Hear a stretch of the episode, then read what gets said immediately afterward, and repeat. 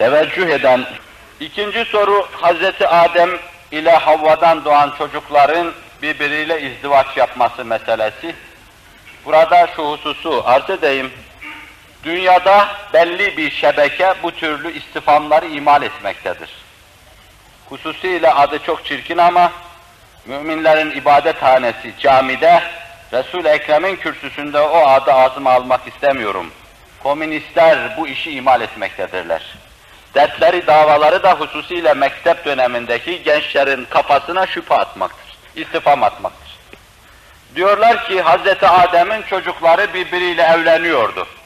Esas bunun altındaki maksatlarını söylemiyorlar ama beraber de bazı yerlerde kaldığımız süre içinde niyetlerini, maksatlarını az çok öğrendik. Yani bu devirde de olsun bu iş. Kız kardeşlik mefhumu kalksın, analık mefhumu kalksın, yakınlık mefhumu kalksın, hala teyze vesaire olmasın. Bu pek çokları arasında bugün caridir. Öyle hadiselere şahit oldum ki ben şahsen adam el ayağı titreyerek yanıma geldi, adını söyleyerek falan benim kızımdır dedi, filan da işte oğlumdur dedi. Aralarındaki bir münasebetten şu hadise oldu, oğlum intihar etti sonra kız başkasıyla evlenince. Ve bunlar bazı şeylerde, semtlerde, bazı muhitlerde çok fazlasıyla cereyan etmektedir. Binaenaleyh bu istifamın arkasında esasen bu menhus fikir yatmaktadır. Bunlar bunu derken din açısından müminin dini anlayışını istismar ediyorlar. Bir kere siz müminin dinine inanmıyorsunuz ki, kitaba inanmıyorsunuz ki, Adem'e, Hazreti Havva'ya inanmıyorsunuz ki o meselelerde niye diyalektik yapıyorsunuz? İnanmıyorsunuz bunlara. Siz insanlığın menşeinde kıllığı mıllığı bir bilmem ne düşünüyorsunuz. Meseleyi tekamül, tekamüle bağlıyorsunuz. Diyorsunuz ki insanlar camide adını zikretmek caiz değil, şu dört ayaklı mahluktan meydana gelmiştir diyorsunuz tekamül ede ede. Binaenaleyh Müslümanın dini hissiyatını rencide edecek şeylerle hiç Müslümanı istismar etmeye çalışmayın. Evvela bunu diyelim. Bizim dinimize neye karışıyorsunuz? Arzu ediyorsanız siz kendi aranızda yapın. Müslümanlara gelince onlar dinin prensiplerine saygılıdırlar.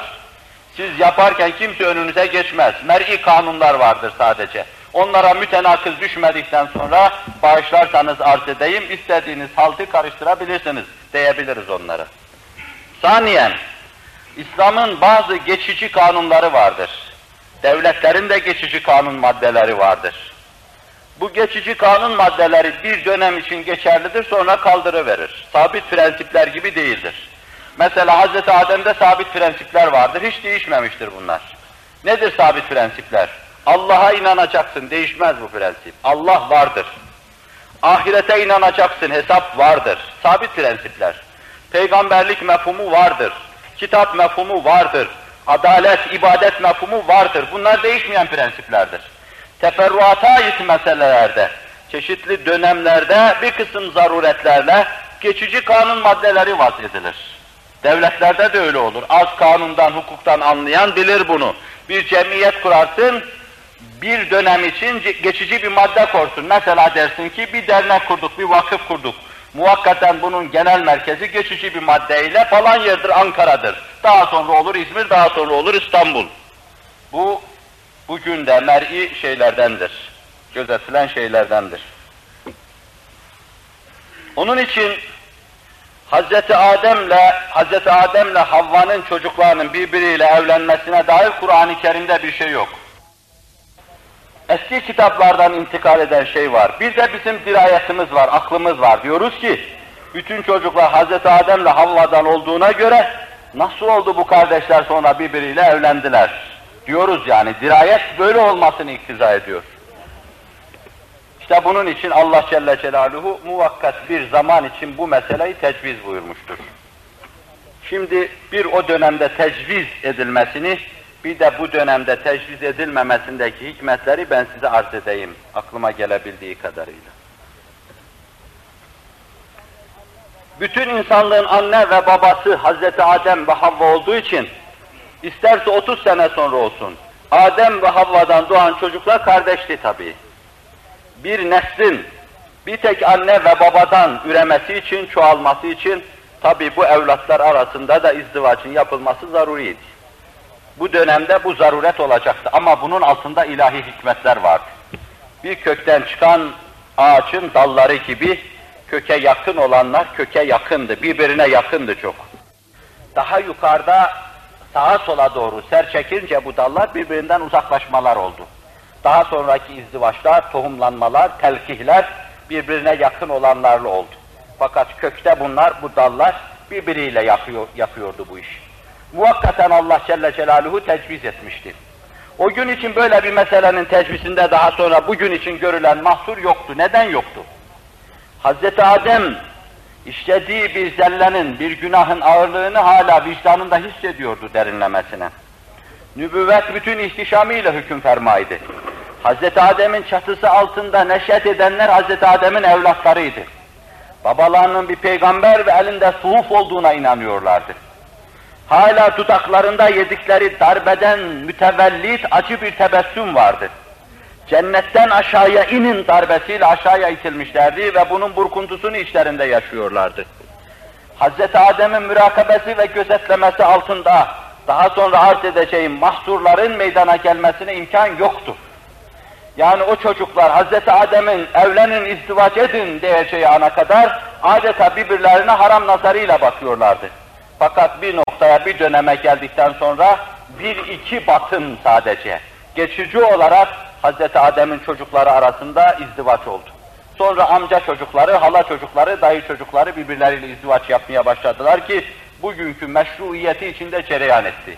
Tek defa böyle bir hadise veya iki defa böyle bir hadise olmuş da geçici bir maddeyle tecviz edilmişti. Ama vasat müsaitti.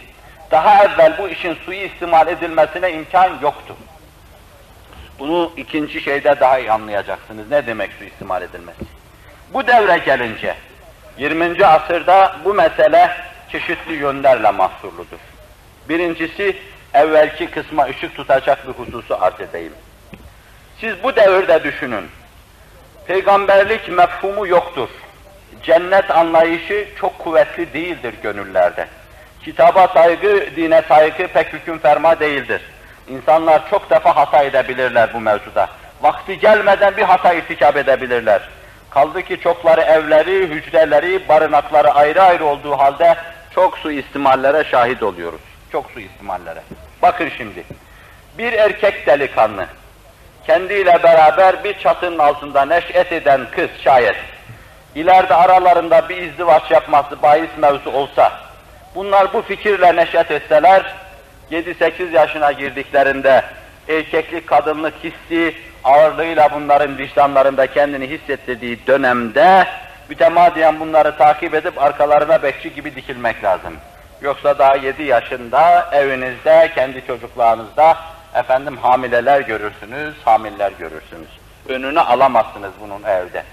Eğer böyle bir mahremiyet perdesi, sütresi aralarına koymazsanız önünü alamazsınız.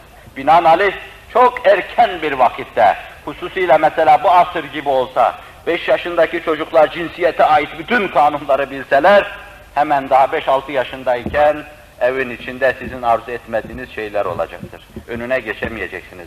Hususiyle nüfus planlamasının vesairenin bahis mevzu olduğu bir dönemde, bir devirde yaşıyoruz. Bunun nasıl hatarlı bir mesul olduğunu herhalde idrak edersiniz. Bir, İkincisi İslam'ın bir prensibi vardır. Hiç değişmeyen bir prensibi. Çeşitli sistemlerde malın çeşitli yollarla taksim edilmesi, bir elde teraküm etmemesi esasları vardır. Kur'an-ı Kerim'de mal zenginlerin arasında tedavül etmesin. Zenginin hazinesinden zenginin hazinesine gitmesin. Belli şahısların elinde toplanmasın, içtimai hayatta denge bozulur diyor.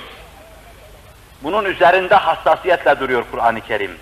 Bir zengin para biriktirecek, elinde duracak ve bu para dışarıya çeşitli yollarla gitmeyecek. Bunun içtimai hayatta doğuracağı büyük hatarla tehlikeler vardır. Şimdi bu prensiptir. Hiçbir içtimai sistem bu prensibe karşı çıkamaz. Çeşitli içtimai sistemlerde mal taksimi değişik şekilde yapılmaktadır. İslam'da miras yoluyla yapılmaktadır. Vasiyetle yapılmaktadır vakıfla yapılmaktadır.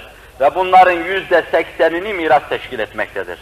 Pek çok kimseler vakıf yapmakta, vasiyet yapmakta, hibe etmekte, bağışlamakta ise de fakat yüzde 99,9 insanlar daha ziyade servetlerini kendi evlatları, kızları ve oğulları vasıtasıyla başkalarına intikal ettirirler. Ve böylece servet bir yerde teraküm etmez. Bakarsınız büyük bir mağaza, sonra bakarsınız damat ve kayınbiraderler arasında taksim edilir. Ve böylece mal terakümü olmaz, böylece korkunç bir fakir yığınağı olmaz haliyle.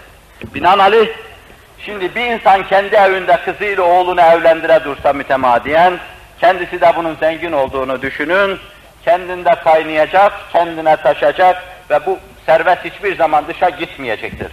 Servet dağılımı meselesi olmayacak, Kur'an-ı Kerim'in men ettiği, servet bir yerde yığılmasın, stoklar olmasın, servet terakümü olmasın prensibi çiğnenmiş olacak. Hatta bütün sistemlerde, bütün hukuk sistemlerinde temkit edilen bu mesele böylece suistimal edilmiş olacak. Bir de bu hususu düşünelim. Ondan anlaşılıyor ki, kızın dışarıya gitmesi bu dönemde rahmettir. Fakat o dönemde esas değil, muvakkaten geçici bir kanunla tecviz edilmiştir. O dönemde, bu dönemde bahsettiğim birinci mahsur olmadığı gibi mal terakümü meselesi de geçici bir maddeyle bahis mevzu olamaz. Bir üçüncü hususa dikkatinizi rica edeceğim. O dönemde zaten pek az insan vardı, 30 tane 40 tane insan. Babaları da başlarındaydı. İçtimai bir rabıtanın teessüsünün düşünülmesi bahis mevzu değildi. Ama şimdiki bu döneme gelince içtimai rabıta çok mühimdir. Ailelerin birbirine bağlanması, bir cemaat teşkil etmesi, içtimai salaha sahip bir cemaat teşkil etmesi bu, aralarında kızdan oğula kadar bir kısım şeylerle taatide bulunmadan alın da mal taatisine kadar bir kısım şeyleri vermelerine bağlıdır. Mesela sen bir beldede bir tek adamsın.